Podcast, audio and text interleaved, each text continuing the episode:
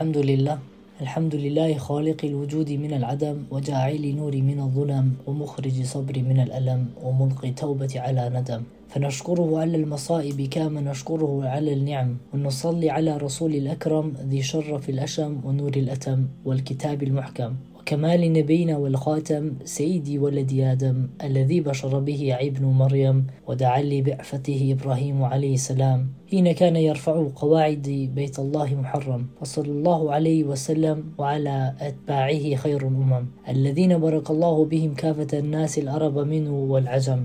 Now, originally, I did not intend to make this podcast, but nevertheless, I want to spread some of the knowledge I got from studying this surah lately, you know? You know, surah meaning a chapter of the Quran. And these passages I found very profound and, Im- and important in essence, you know. We all go through difficulties and hardship, and often we start blaming other people, we start having too much trust in people. Then we start neglecting our deen, and we start lacking and becoming weak. Now, therefore, I figure I shall share this little knowledge, and you know, thus Allah says in the Quran that we shall remind, for indeed the reminder benefits the believers. But anyhow, I hope inshallah this gives out benefits and motivate some of you to start a new journey in getting closer to the deen and Allah inshallah.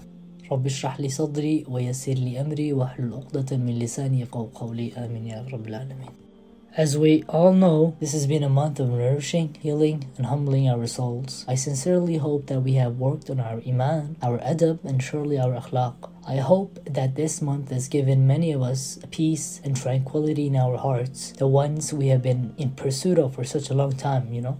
I pray that this Ramadan has been the best Ramadan of our lives, the one in which our burdens and worries have come to an end. I pray that we have been able to, and that we are obviously still able to, make more changes in our lives to make our Rabb happy with us and make ourselves pleased with our Rabb. In this month and throughout, you know, any moments of our lives, I pray that Allah ac- accepts all our worship and accepts all our efforts and does not let us become lazy through the course of this month and allows us to make the most of it, you know, so that we may read re- the rewards of it in this life and inshallah, hopefully, in the hereafter. Now, the topic of this lecture, you know, the ayahs which I've chosen to speak about will revolve around the beginning of Surah Al Ankabut, which is the 29th Surah of the Quran. The surah was revealed to the Prophet ﷺ somewhere close to the end of his time in Mecca. Now, at the time, the animosity towards the Muslims was so tortified that the people had only the option of hijrah left. Hijrah being the, the designation for the Prophet's emigration from his place of birth, which was Mecca, to Medina, which was thought to be, you know, a safer place. In other words, to make it easier, things were getting too tough in Mecca as the Muslims were treated harshly and therefore they had to emigrate off to a safer place, which was Medina at the time, you know.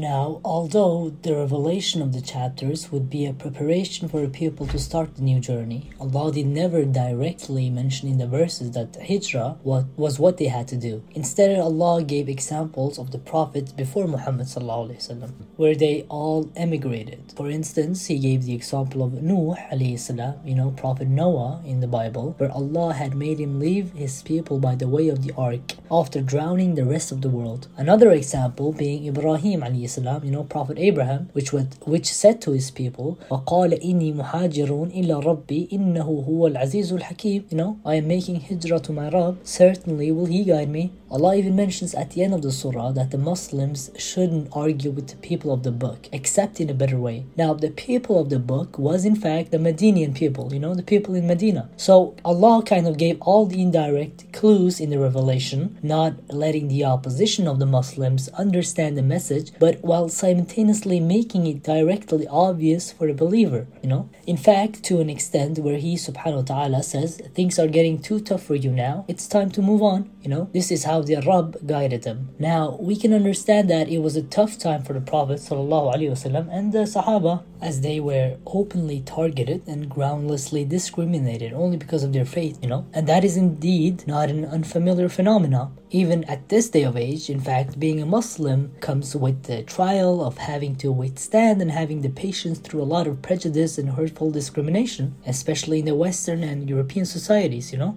In the beginning of this surah, Allah showcases a mental preparation for tough times. You see, Sahaba at the time were all wondering, or at least having the thoughts about why Allah wasn't helping them, you know? Why did they had to be treated the way they were, you know? And that is why Allah revealed the ayats. Now, the respected scholar and muhaddith Imam al-Qurtubi once beautifully said that although the revelation of these ayats came for a particular event in which injustice, torture, and hardship was presented towards some Sahaba, indeed, you know, the verdict, the principle of these ayats will live forever for all the Ummah of Muhammad وسلم, as the legacy, you know, the gift we have gotten to this day, you know, the La ilaha illallah Muhammad Rasulullah, you know, the Shahada is not just a cheap gift, you know, you don't just give to have it, and you certainly have to pay the price of it, you know. So indeed, there are many lessons to draw from this chapter Al-Ankabut at the time of the occurrence, but also with all sequences through the existence of humans, you know. Subhanallah, a timeless supplication at its finest. So in our personal lives and as an ummah, we must constantly go through trials and difficulties, you know, to see how much pain we are willing to go through, yet still hold on to the deen, to our iman, and that is what we must acknowledge in regards of the worldly difficulties, you know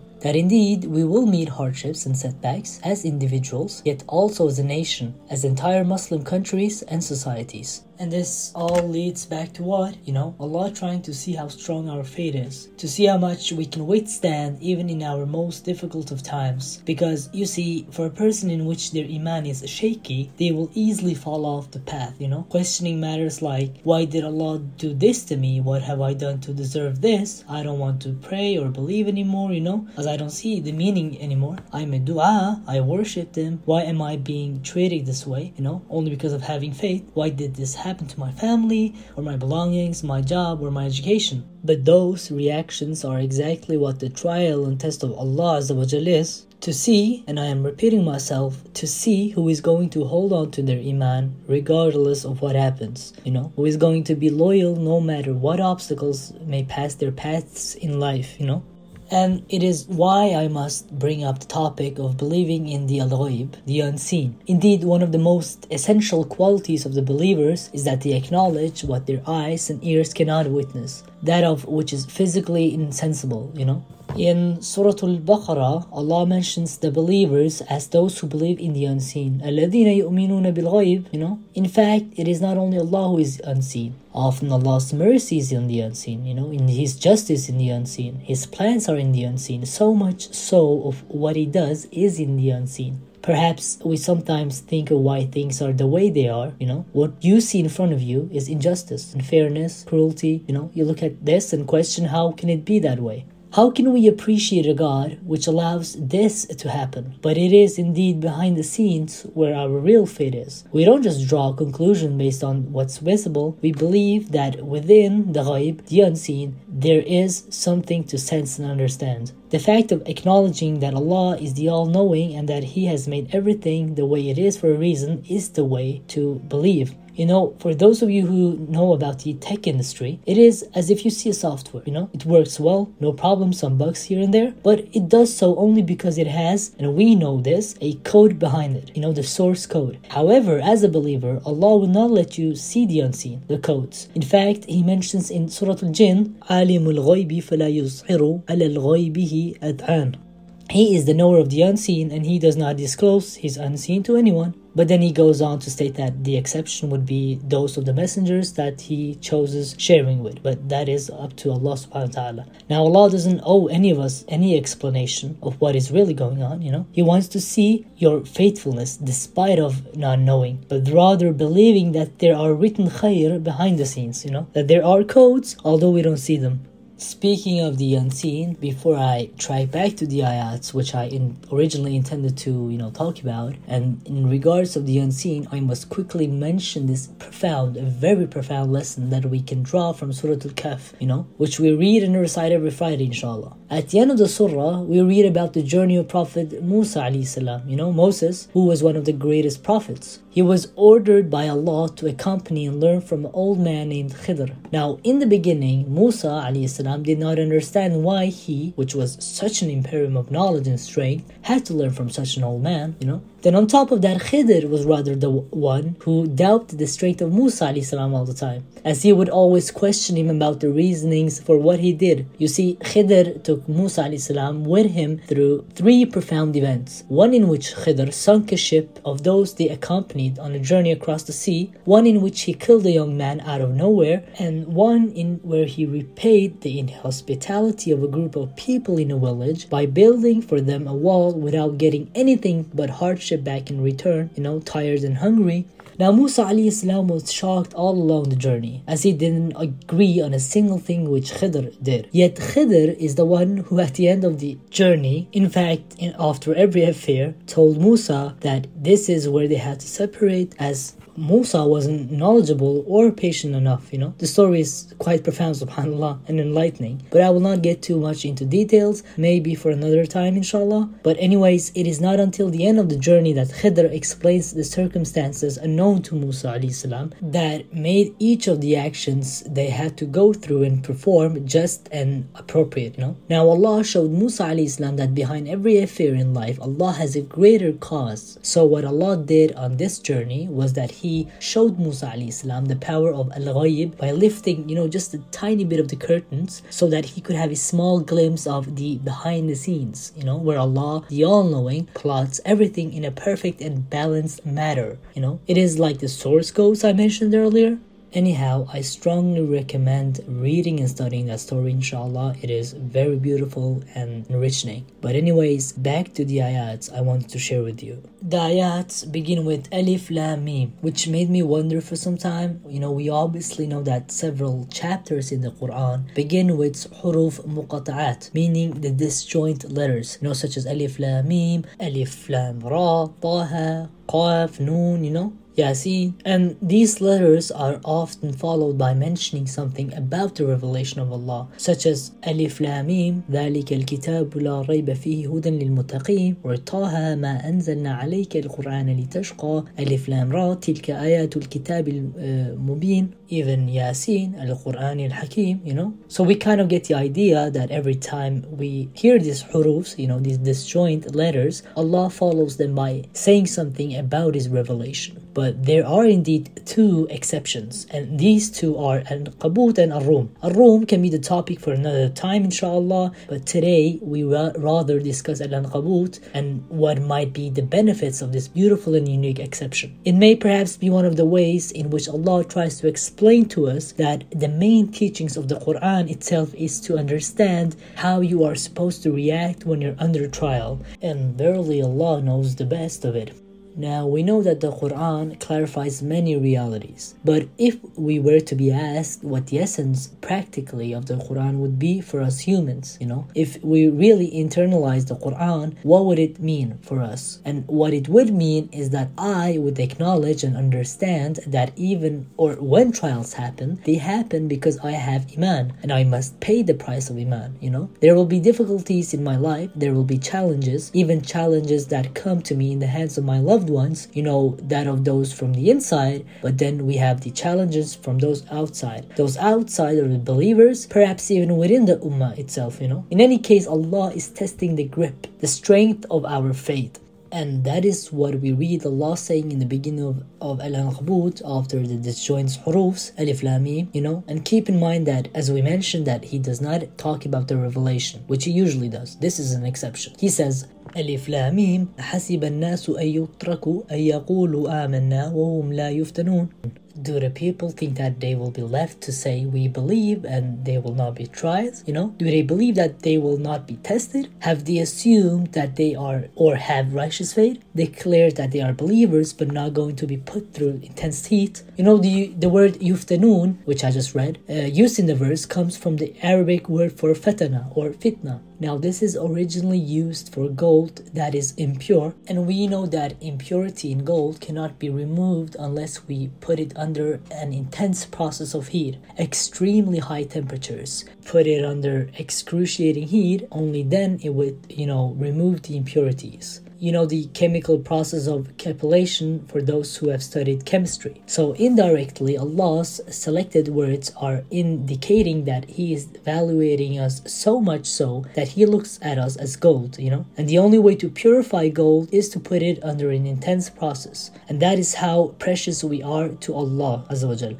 Often we might think another that Allah doesn't like us as we are being tested with hardship. If Allah cared for me, I wouldn't be in trials constantly. But it is quite opposite of those scenarios and those assumptions. Allah loves us so much so that He wants to cleanse us this way by testing and watching how we overcome these difficulties. And that is why I often like to say in my prayers, Ya Allah, allow us to stay steadfast through every storm that hits, so that we may be amongst the strong and the righteous ones you know. And Allah continues saying, وَلَقَدْ فَتَنَا الَّذِينَ مِنْ قَبْلِهِمْ You know, much before, we tested people much before you. You're not the first one in trial, first one through difficulties. It has always been this way, you know. It is a sunnah of Allah. And then He says, فَلَا يَعْلَمَنَ اللَّهُ الَّذِينَ صَدَقُوا وَلَيَعْلَمَنَ الْكَاذِبِينَ This is Allah's way of exposing which of you are truthful in your claims. And then you may wonder what claim, you know, well, in the claim that of which you say you believe. You know, it is easy to hold on to it when under hard times, but that is certainly the easy part. That is not where it becomes difficult. Then you will know who is truly lying, you know. You could say La ilaha illallah but still be lying. This is Allah's way of revealing the truth I chose these ayats as I wanted to highlight it for a purpose. You see, in this society which we have nowadays, we all feel certain pressures around us constantly. We often hear from people, read in articles, and even get it directly in our faces, indeed, that how things are escalating towards the Muslims, towards immigrants, and that they are being associated with people with black hair and so on, you know, with the religion and so on. You know, the escalations aren't only politically, but also often socially. You might hear negative comments when you're at the mall, maybe at your work, you see your colleagues treating you differently, you know, harassments, carry cases are becoming more regular as you try being better in your deen. In these environments, it, it makes it easy for some people to start thinking that perhaps if they weren't so visibly Muslim or less believing, they would start being more acceptive, you know? The society would start being more accepted. I have seen and witnessed many people and families trying to change their values and standards, often poking a hole in their religion just to be accepted by the society. You know, many people start giving up their faith and express themselves, you know, we can't handle it, it's too much for us. Our Prophet Rasulullah had the most beloved character anybody could have, you know. He is the best of all creations Allah has made. His smile is infectious. There are people who can't help but be around him, you know. Yet he was absolutely despised.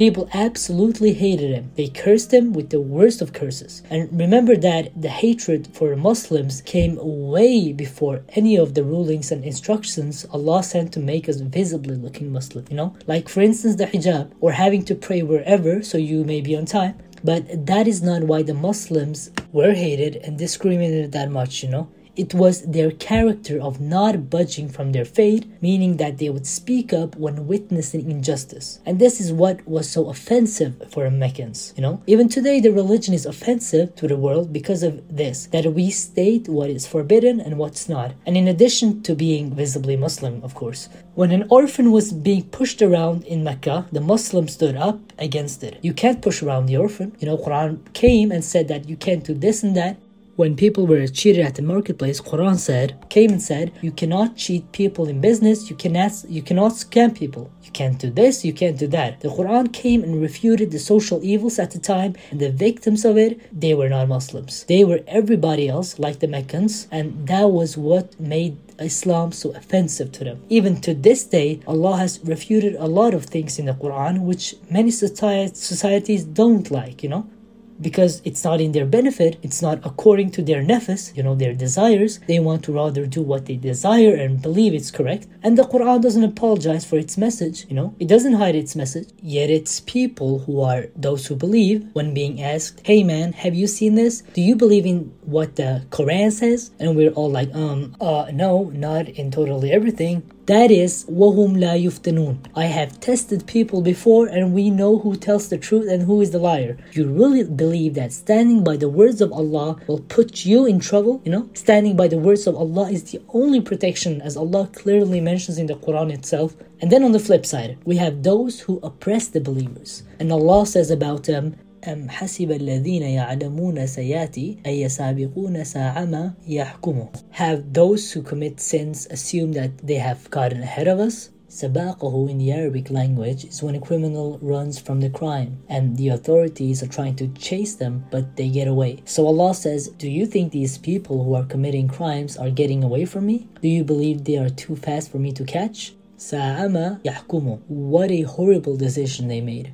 Now, remember that these ayats are not only in regards of generally speaking about prosecution from people, it is also about the individuals who are personally prosecuting you, who have personally hurted you, you know, backbitten you you know it's also of importance that you know that you just don't do dua against them. You don't. You don't seek revenge. Just know that unless they make tawbah nobody gets away with their actions from allah subhanahu wa ta'ala. You might be frustrated. How come how come this person who made this and that to me be happy you know how come they got away with it how are they okay with it it makes you burn on the inside, yet they just are having a good old time, you know? This is a consolation to those who are victims of any kind. And those who commit sins, do you really believe they got away? Oh, no, no. They made a horrible decision, as Allah says. And you know, there are many other places in the Quran where Allah describes what a horrible decision looks like. A good imaginable examples of how it looks, without, you know, bringing up any further verses, just a personal example, just giving an image of it. You know, imagine having a wild dog and then you try tying it up, having just a one foot leash, you know. The dog can't go more than the one foot, obviously. But what happens if you give the dog a 200 foot leash? You know, the second you let it go, it will run as fast as it can. It would just run as fast as it can until it reaches the 199 feet. And then on the 200 foot mark, at its max speed, what would happen to it? An immediate choke and you see the choke on this one, it's, it's much stronger, much more severe. So the longer leash, uh, which allowed the dog to run longer and faster, was not a mercy but a tougher punishment for a dog. And Allah says in Surah Ali Imran, إنما نملي لهم ليزدادوا إثما I only extend for them so that they may extend their sins, digging their holes deeper. You want to make trouble? Go ahead. Allah gives you the license to do that. Make trouble, dig your own hole deeper, but then you will see the consequences later on, you know?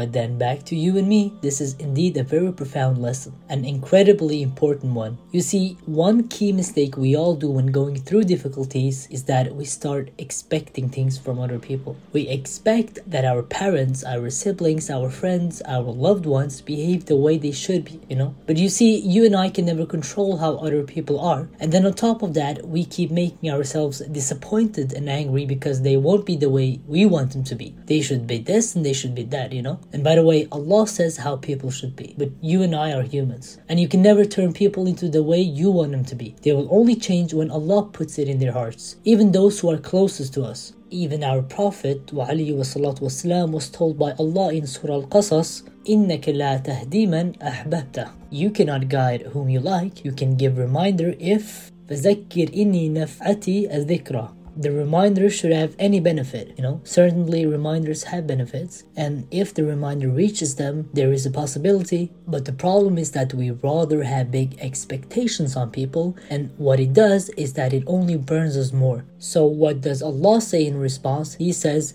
Man كان يرجو لقاءه whoever was hopeful of meeting with Allah then the meeting will come you know and this is the one thing that is never disappointing if you have hope and expectation to those around you to behave the way they are supposed to, or that the people who offended you reconsider their behavior, then certainly it will be difficult for you in this life, as the only hope lies within the trust in Allah and His words, in the meeting with your Rabb, which never disappoints. And surely that is the most beneficial thing for us. Allah is the most beneficial one for us. You know, if we look at the situation of the Quraysh, the tribe which was ruling Mecca at the time of the Prophet, sallallahu وسلم, their pride came from the tribe. Their sense of selflessness came from the tribe. Their unity came from the tribe. In fact, this was the apex of their identity, you know. But when it came to Islam, the Quraysh were willing to torture and persecute their own, violating the principles of their own tribe, something which was an absolutely no go.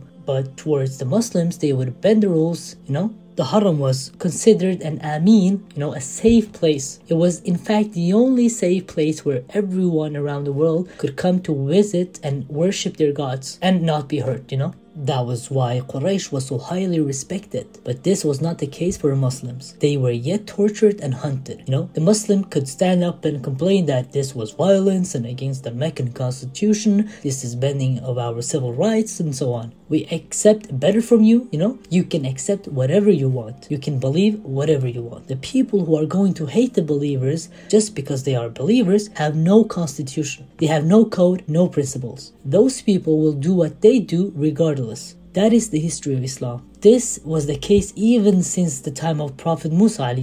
He was considered one of them. Actually, since he was raised under the royalty of the Fir'aun, he was granted the status of royalty amongst them. But then in the end, Fir'aun was prepared to bend his own constitution. Zaruni aqtul Musa, let me kill Musa myself. They could never kill their own, but this could be an allowance. Musa was steadfast in his religion and obedient to his Lord, and this was a disadvantage for the non-believers, the people of the Fir'aun.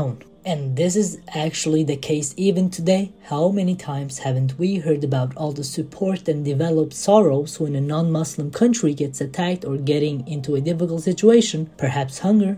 How many times haven't we seen the Ukrainian flags all over the news, you know? But how often do we see the flag of the Muslim nations and societies in poverty and under attack? You know, in China, in Palestine, the Middle Eastern societies, you know, even the Muslims in Europe who get treated unjustly, even them. But that is okay, they are just Muslims, you know. Our rules are not in regulation with them, and that is why we must know where we should put our expectations. I don't say that you don't fight for your rights, but what I am saying is that we need to know where we put our trust, our hope, whether it is in our personal lives or as a society. As a society, we should be standing up for the Muslim countries. We shouldn't expect uh, these countries in the West to do anything because they won't, just as the way it was for Prophet Muhammad with the Quraysh, just as it was for Prophet Musa with the Fir'aun. You know, we need to put our trust in Allah and in ourselves. We need to understand that our primary hope lies with Allah and nobody else. And if that is gone, then nothing else will matter really.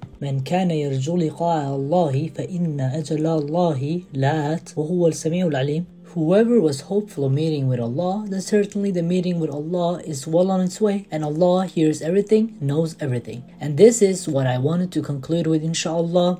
ومن جهد فإنما يجاهد لنفسه. إن الله لغني عن العالمين. meaning and whoever struggles makes efforts and by the way what does effort do here you see when muslims are being persecuted they are on the defensive we are the ones being criticized but allah says don't worry those who persecuted you i will deal with them eventually you don't worry you just keep your hopes with me allah says in the end وَمَنْ جَهَدَ فَإِنَّمَا يُجَاهِدُ لِنَفْسِهِ and whoever struggles only does it for their own benefit you know Struggling here means what? Offen- offensive. Allah is telling us that in times of pros- uh, persecution, we need to be on the offensive side. We need to stand up for our religion even more actively. Only this way you will survive, you know? As you are only doing this for yourself, for your own benefit. You want to be safe with Allah? You want the angels to come around you, you know, and not let anything hurt you? Let me see you make struggle for Allah. Let me see you make efforts for Allah that's when the protection comes, you know. Then Allah says, Inna Allah anil alamin. He does He doesn't need your struggles, your efforts. In fact, He doesn't need the struggles of any nations. You're the one who needs Him and His protection, you know. By the end of this passage, Allah has given us the secret. What does it take for an ummah to protect itself in times of persecution? What it takes for them is the struggle, this true struggle for the sake of Allah. Not that they keep taking steps back, but that they rather take steps forward. You know, there is a wind blowing in your face, pushing you back, and you're struggling and pushing yourself through that wind straight forwards. You know, everybody else wants you to let go of the religion, but you hang on to your faith even stronger. There is an entire academical circle describing how we want a more civilized Islam, you know, and there are some passages from the Quran that are problematic. So let us remove this passage this from this course. Billah, you know. And even in the middle of all this pressure, we must be the ones who stand and move forwards. Right now, we're going back, you know. When people ask us about things, we start getting uncertain and worried. Um, I don't agree with this and that, you know. We start doubting ourselves and turn our back to the deen. And what happens then? Allah says, if you turn your backs, Allah will replace you with a nation other than yourselves. You know, you are easily replaceable. This is the other meaning of Allah is free of anything. He doesn't need any nations. He doesn't need any Kurds, any Pakistanians, any Egyptians, Turks, you know, Saudians, you know, Palestinians. If all these nations were to turn their backs, Allah will just replace them. Maybe with the Irish, you know, the Mexicans, and this is not something new. Allah has done it before. This is the sunnah of Allah. He has done it before.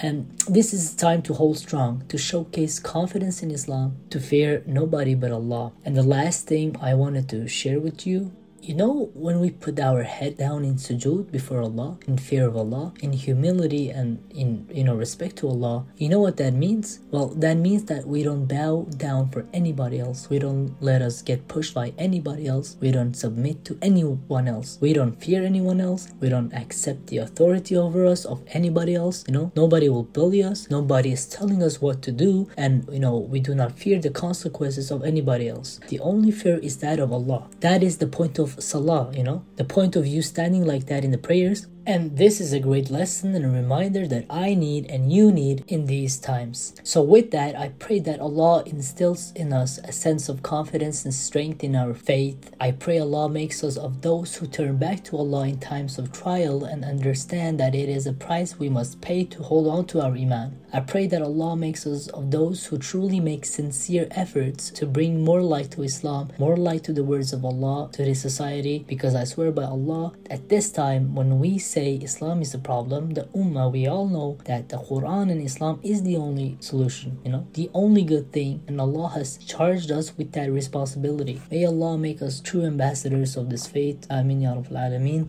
And that was it for today. I hope you got some benefits from this. And until next time, Assalamu alaikum rahmatullahi wa barakatuh.